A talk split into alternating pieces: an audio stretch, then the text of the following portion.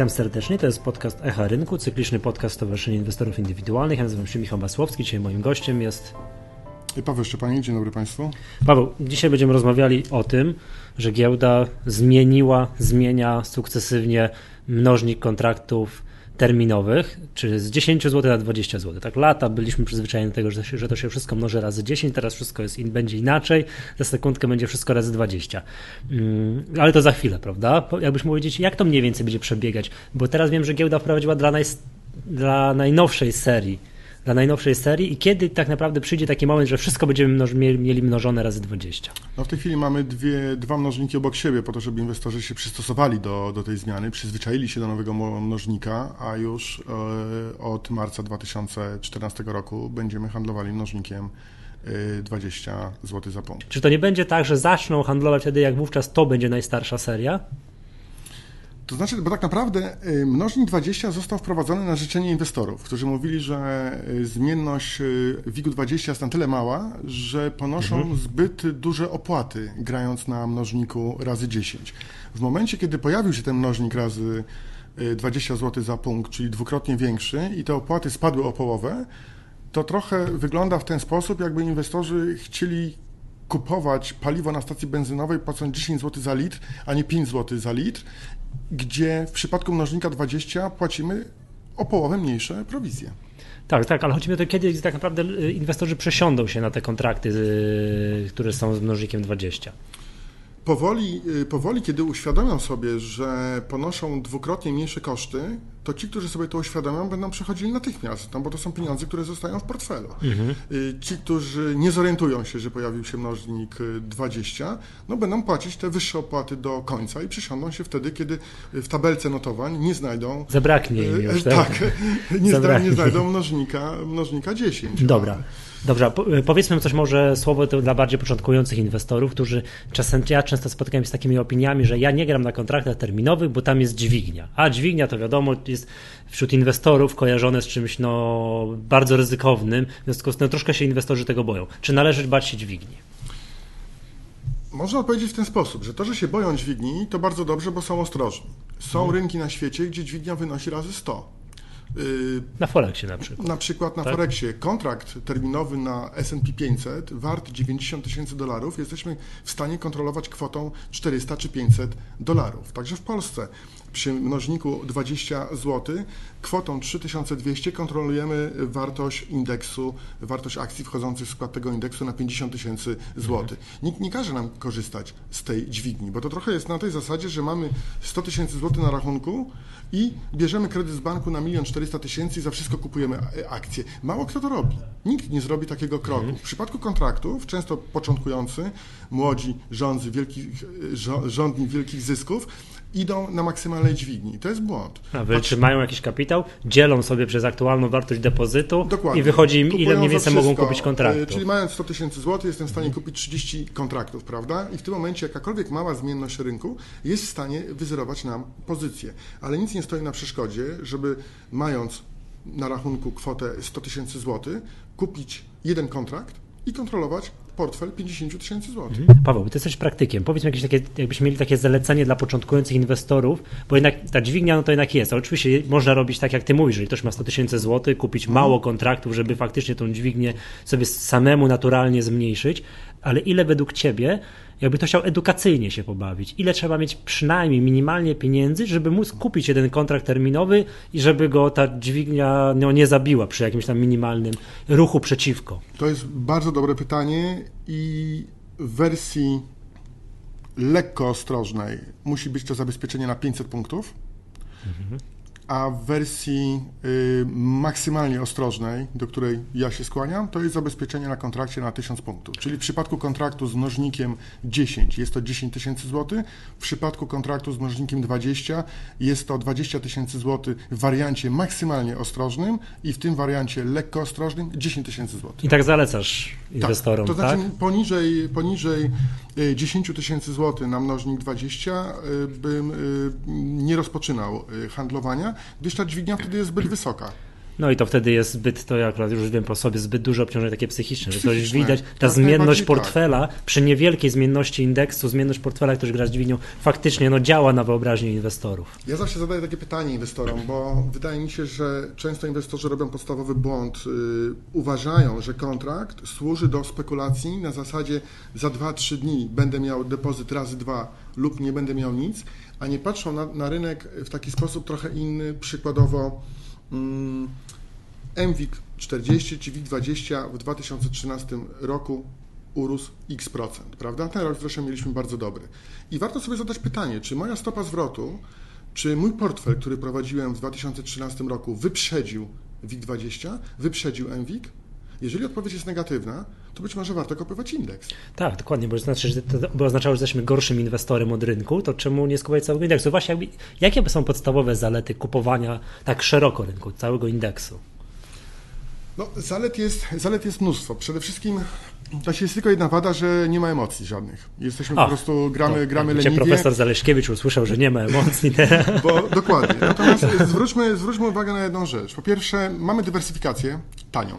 Bo w przypadku kupna 30 akcji musimy ponieść odpowiednie, y, odpowiednie koszty. Tutaj tych kosztów nie ponosimy. Czyli mamy załatwioną sprawę dywersyfikacji. Jak wiemy z teorii Markowicza, minimum 30 spółek powinno znajdować się w portfelu. 20 to już jest takie minimum, które pozwala Tak, to nam ja nie na znam inwestora indywidualnego, który ma 20 który 30 posiada, tak, więc tyle. mamy dywersyfikację. Kolejna rzecz, moim zdaniem, to jest moja taka teo- teoria, indeks nigdy nie zbankrutuje, on zawsze musi rosnąć. Czyli jeżeli spojrzymy na to, co się działo na Dow Jonesie za ostatnie 20-30 lat, jeżeli spojrzymy na WIG za ostatnie 20 lat na polskiej giełdzie, to te indeksy są stworzone, aby rosnąć. Dlaczego tak się dzieje, ktoś zapyta? No dlatego, że spółki, które są złe, wylatują z indeksu, przykładowo z WIG-u 20, PBG, Bioton, Polimex, ich już nie ma Są wymieniane na są wymieniane spółki. na nowe spółki i ten indeks jest stworzony w długim okresie, aby rósł, bo jeżeli spółki będą słabe, będą zastąpione, czyli indeks tam nigdy nie zbankrutuje. Tak. Tak, tak. czyli tak, jeżeli tak. ktoś nie ma czasu na analizę fundamentalną, bo ja nie mówię, że to jest jedynie dobre rozwiązanie, ale wyobraźmy sobie, że mamy kogoś, kto jest zajęty zawodowo, nie ma czasu analizować rynku fundamentalnie, yy, nie ma czasu na czytanie portali, bo oczywiście są, mamy wyśmienitych analityków fundamentalnych, mamy portale, gdzie można z tą analizą się zapoznać, ale to też wymaga czasu inwestora. A jeśli on nie ma czasu, no to ma do wyboru albo oddać pieniądze do funduszu i zapłacić prowizję za zarządzanie, lub samodzielnie kopiować indeks. No jedną z takich metod jest kupno kontraktu. Tak, Tak? to jest jedna z metod, bo to, to nie jest jedyna słuszna. To, tu nie chodzi o to, że ja uważam, że jest to jedyna słuszna metoda inwestycyjna. Nie, można też tylko- ETF-a na WIG20 Można. kupić, tak? Y, Można też y, odrobić lekcję i stworzyć swój portfel inwestycyjny. Ale to jest czas, o którym mówisz To i jest to czas. jest, to jest Ponadto to jest dla tych inwestorów, którzy przez moment mogą się zastanowić, czy ja jestem zadowolony ze swoich wyników, czy jestem lepszy niż indeks za Mhm. ostatnie 2-3 lata. Jeżeli nie, to być może część kapitału poświęcić na taką prostą, prymitywną strategię kopywania indeksu. No tak, no i to rozwiązanie, o którym mówisz, faktycznie pozwala, bo jeżeli samemu byś sobie jakiś portfel dobrali, nie wiem, coś tam z WIG-u 20, z WIG-u 30, to zawsze jest szansa, że załapiemy się na PBG i Bioton. A jak kupimy tak, Tak. zainwestujemy tak indeksowo, no to Mało jest, tego, tak. unikniemy tego to, ryzyka. To też tak? doskonała uwaga, bo te spółki będziemy musieli wymienić. Tak jak instytucje, no to muszą ze swoich portfeli usunąć spółki, które z indeksu wychodzą. Przykład Agory. Była sprzedawana Agora, bo z indeksu wylatywała, Mhm. a na jej miejsce wchodzi inna spółka. Natomiast tutaj, posiadając kontrakt, dzieje się to automatycznie. Mhm. Dobrze, a jakie są w chwili obecnej e, opłaty, jakbyśmy chcieli jednak tak sobie, nie wiem, w średnim terminie kupić taki kontrakt na WIG20, czy tam za sekundkę na WIG30, to ile nas to kosztuje? No to jest właśnie kolejna rzecz, bo Jak to, jak to się różni w stosunku do tego, To jest bardzo interesująca do- do- sprawa, bo przede kontraktu wszystkim tak, tak. bo inwestorzy robią podstawowy błąd, że cały czas operują depozytem. I uważ, mówią tak, płacę 7 zł od kontraktu, depozyt wynosi y, 3200 i z tego liczą y, stopę y, procent prowizji. A co, a co zrobią wtedy, kiedy depozyt będzie wynosić złotówkę na przykład? Może tak być. Któreś biuro maklerskie, to jest oczywiście w tej chwili fantazja, powie, depozyt od dzisiaj wynosi 1 zł. czy a biuro maklerskie wzięłoby ryzyko na siebie? Ryzyko na siebie, Rozumiem, że dokładnie. przykład akademicki, proszę bardzo. Tak, Przykład akademicki. tak to byłoby Ale tak, tylko że y, przykład akademicki to wcale nie... 700% prowizja by była dla, przecię... dla, Dokładnie. dla tak myślącego inwestora. Przykład Czy- akademicki to jest tylko złudzenie, że to jest przykład akademicki, bo proszę zwrócić uwagę, że depozyt na kontrakt S&P 500 w Stanach wynosi 2800 dolarów, nocny tam plus minus 20 dolarów. Natomiast dzienny day tradingowy wynosi około 2200 dolarów. I biura maklerskie, w tej chwili platformy internetowe, biorąc ryzyko na siebie, oferuje depozyty 400 lub 500 dolarów. W tej chwili już są wysyłane maile do wielu klientów, iż jeżeli będziesz zamykał te prowizje w ciągu, przepraszam, będziesz zamykał pozycję tego samego dnia i y, deklarujesz, że zrobisz minimum 10 kontraktów obrotu dziennie, 300 dolarów depozyt. Mhm. Więc wizja, że depozyt wynosi jeden jest oczywiście śmiesznym żartem, ale może się zdarzyć, że któreś biuro maklerskie powie połowę depozytu. No, przy zwiększającej się konkurencji nie byłbym zdziwiony, jakby te biura faktycznie tak schodziły powoli. Może tak się stać. I powiedzmy no sobie teraz... w okresach troszeczkę niższej zmienności na przykład. Dokładnie. Tak? I teraz opłaty. Kupując jeden kontrakt na FW20 z mnożnikiem 20 zł, zapłacimy średnio, jeżeli jest się członkiem Stowarzyszenia Inwestorów Indywidualnych, 7 zł. Przykładowo. Przykładowo. Tak. tak od wartości zlecenia na 47 tysięcy złotych, czyli to jest 14 tysięcznych procenta.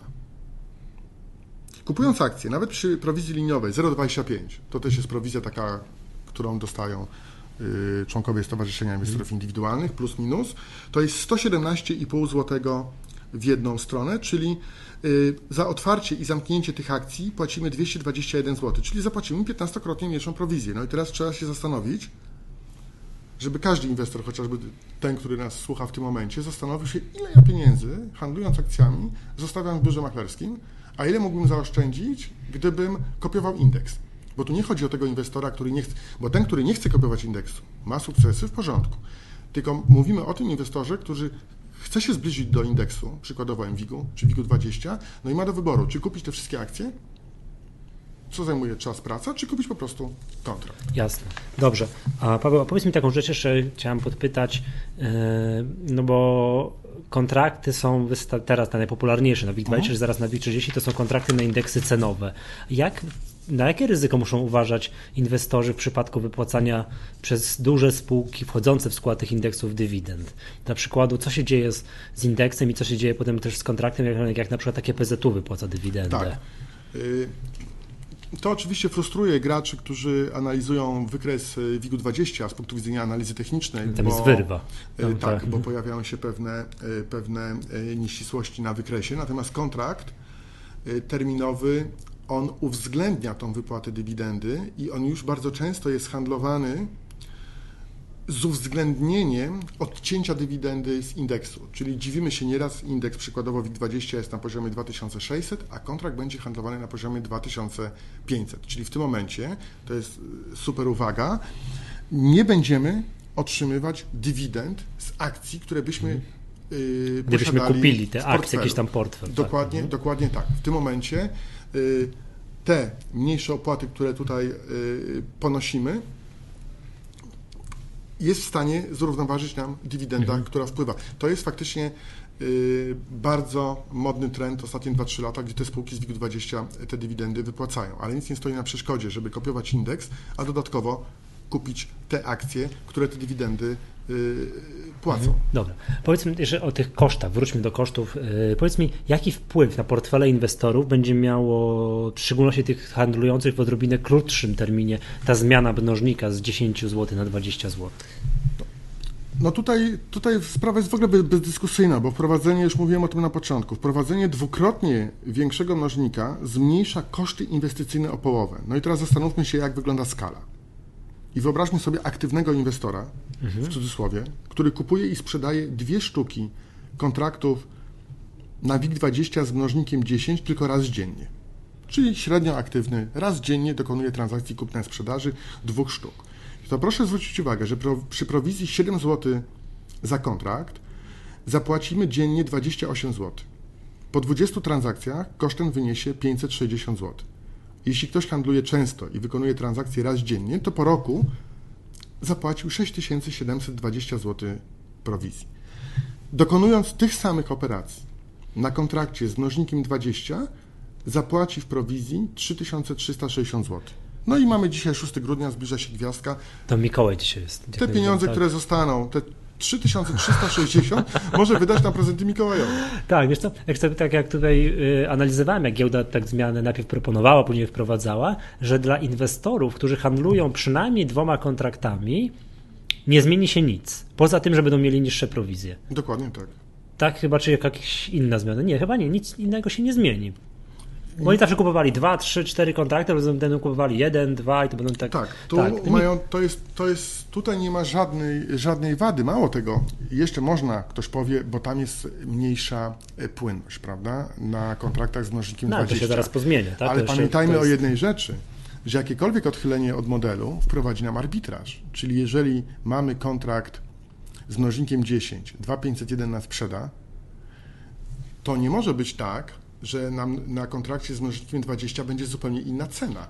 Bo w tym momencie jesteśmy w stanie dokonać arbitrażu między seriami. Mało tego, to już nie siedzi człowiek przy komputerze, który to robi, tylko włączy się komputer, który po prostu tą transakcję. A, to instytucje, z, więc, jakieś tam. No... Więc o płynność bym się nie obawiał, szczególnie, że no, przeciętny inwestor no, jest w stanie grać do 10 sztuk y, kontraktów, prawda, jednorazowo. Mhm.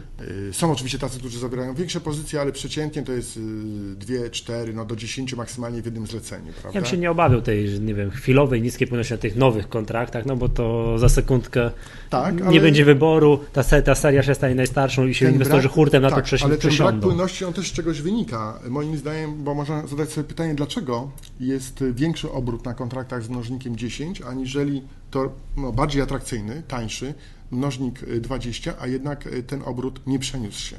Moim zdaniem wynika to z pewnych modeli, kiedy były otwierane pozycje, pewnych arbitraży, pewnych modeli, y, które budowały instytucje, czyli mhm. przykładowo mamy otwarty arbitraż, mamy otwarte koszyki na spółki z WIG-20, te kontrakty już są otwarte, te pozycje. I oni to trzymają cały czas, tam I się dzieje. Tak. do wygaśnięcia serii on, on będzie, on będzie y, trzymany. Mało tego, to jest też taka trochę samo napędzająca się spirala, czyli instytucja otwiera na dziesiątce, bo jest duży wolumen na dziesiątce i nie może przejść na dwudziestkę, bo instytucja otwiera trochę większe pozycje. No tak. Prawda? 500 tysiąc kontraktów. Tak. Y, ta część inwestorów indywidualnych, która gra pojedynczymi sztukami na kontraktach, pojedynczymi, czyli do 10-20 sztuk. Myślę, że już częściowo się przenosi, bo wyliczenie kosztowe jest no tutaj bezdyskusyjne. Jasne. Znaczy no poza tym, poza tym czas płynie szybko, to raptem tam 9 miesięcy upłynie i już wszyscy będą, będą bez wyboru, będą grali na, na 20. Ja chciałem się zapytać jeszcze o już tak na zakończenie, jak to jest troszkę z krótszym terminem, bo pierwszy taki jakby y, wniosek obserwatorów rynku, jak giełda zapowiedziała te zmiany, była taką, że o, proszę bardzo, teraz będzie można już zarabiać pieniądze przy zmianie o jeden punkt. Mhm. Jeden punkt. Powiedz mi, jak są, nie wiem, twoje zalecenia dla inwestorów, z którymi ty się spotykasz, jeżeli chodzi o day trading na polskim rynku? Czy to jest opłacane na polskim rynku? Czy tych day traderów jest dużo? No w końcu, no, no zawsze kontrakt na WIG20, a giełda się chwaliła, że to jest sukces. Sukces, bo i tam jest bardzo dużo inwestorów indywidualnych, którzy właśnie są tak, no, handlują na krótki termin i zapewniają tę płynność. To znaczy, jeżeli chodzi o day trading, taki typowy day trading, czyli kupno-sprzedaż e, kontraktu tego samego dnia, to tutaj stajemy przed następującą barierą. E, bariera pierwsza to są koszty, ale koszty ponoszą wszyscy i nie ma tak, żeby instytucja finansowa e, prowadziła obrót bez pobierania prowizji i często jest taki argument, że, że, że te koszty są duże. No właśnie giełda zmniejszyła te koszty o połowę, więc to jest piękny krok. I teraz co dalej? Jaki jest druga bariera w day tradingu? To jest zmienność.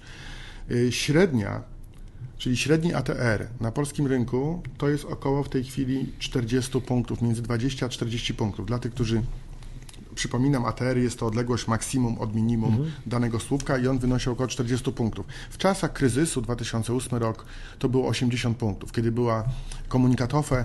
Po załamaniu tam. Tak, tak ale te, nie mhm. tak dawno, kiedy zwróćmy uwagę, jakie były piękne obroty, kiedy były komunikaty OFE i rynek spadł jednego dnia ponad 100 punktów. Wtedy day, day traderzy mają raj, bo nie ma takiej możliwości, żeby kupić dołek i sprzedać szczyt. No nie oszukujmy no, się. To się udaje raz bardzo rzadko, ale z reguły się nie udaje. Tak? Dokładnie. To jest marzenie Czyli, każdego inwestora, tak. który się raczej nie Czyli z tych 40 punktów statystycznie jesteśmy w stanie wziąć 1 piątą ruchu.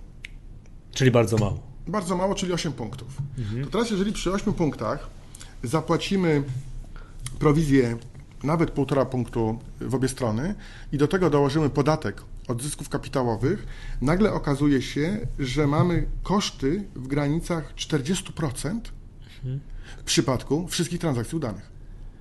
No, a, nie jeszcze, ma inwestora, który A jeszcze trzeba doliczyć te kilkadziesiąt procent nieudanych. Dokładnie. No Jeżeli uwzględnimy tak? transakcje nieudane, to się okaże, że nawet będąc doskonałymi graczami, połowę naszych zysków będziemy oddawać innym.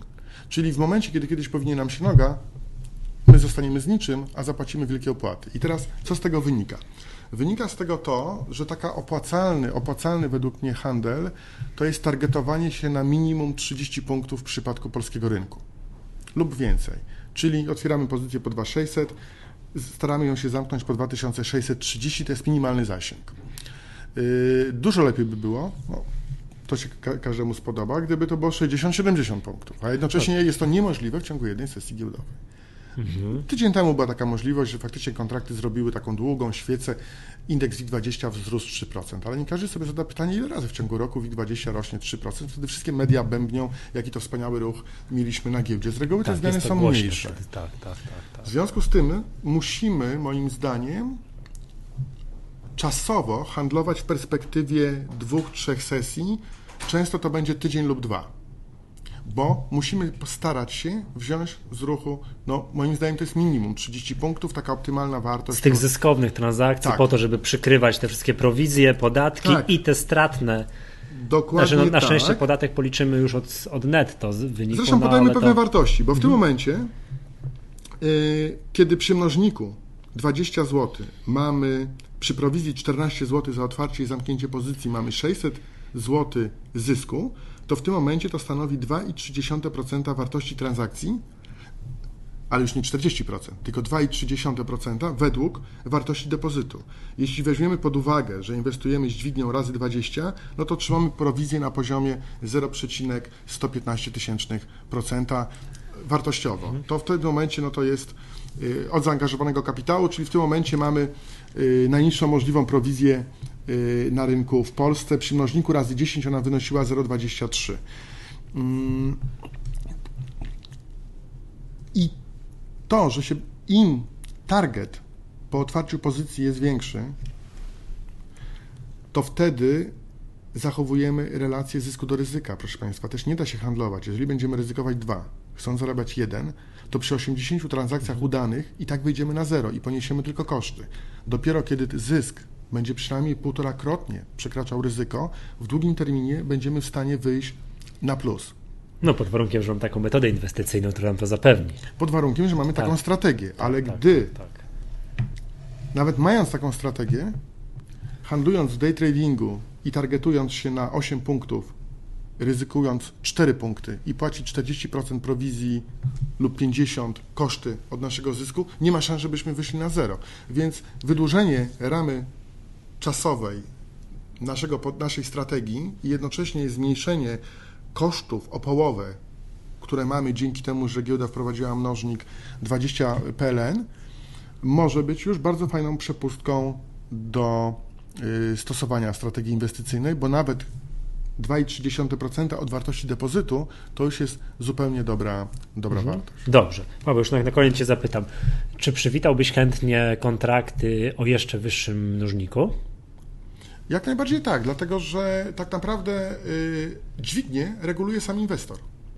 Bo już mówiliśmy dzisiaj o tym, że nie mhm. mamy przymusu korzystania z tej tak, dźwigni. Tak, że tak, gry na pełnym ryzyku i tak dalej. Jasne. A nie uważasz, że to wówczas, na przykład, że giełda by chyba był w pewnym momencie taki pomysł, żeby ta dźwignia była jeszcze wyższa, znaczy nie, przepraszam, mnożnik, żeby był jeszcze wyższy, ale czy nie byłoby to odcięcie tych takich bardzo początkujących inwestorów, którzy się uczą i grają sobie tym jednym kontraktem, Jak najbardziej, tak? jak najbardziej tak. Więc tutaj jest, yy, pamiętajmy o jednej rzeczy, że przy mnożniku 20 wartość portfela zaangażowania to jest 50 tysięcy złotych. Każdy mhm. wyższy mnożnik faktycznie odcinałby. Coraz z tych mniejszych inwestorów. Jak najbardziej. Tak.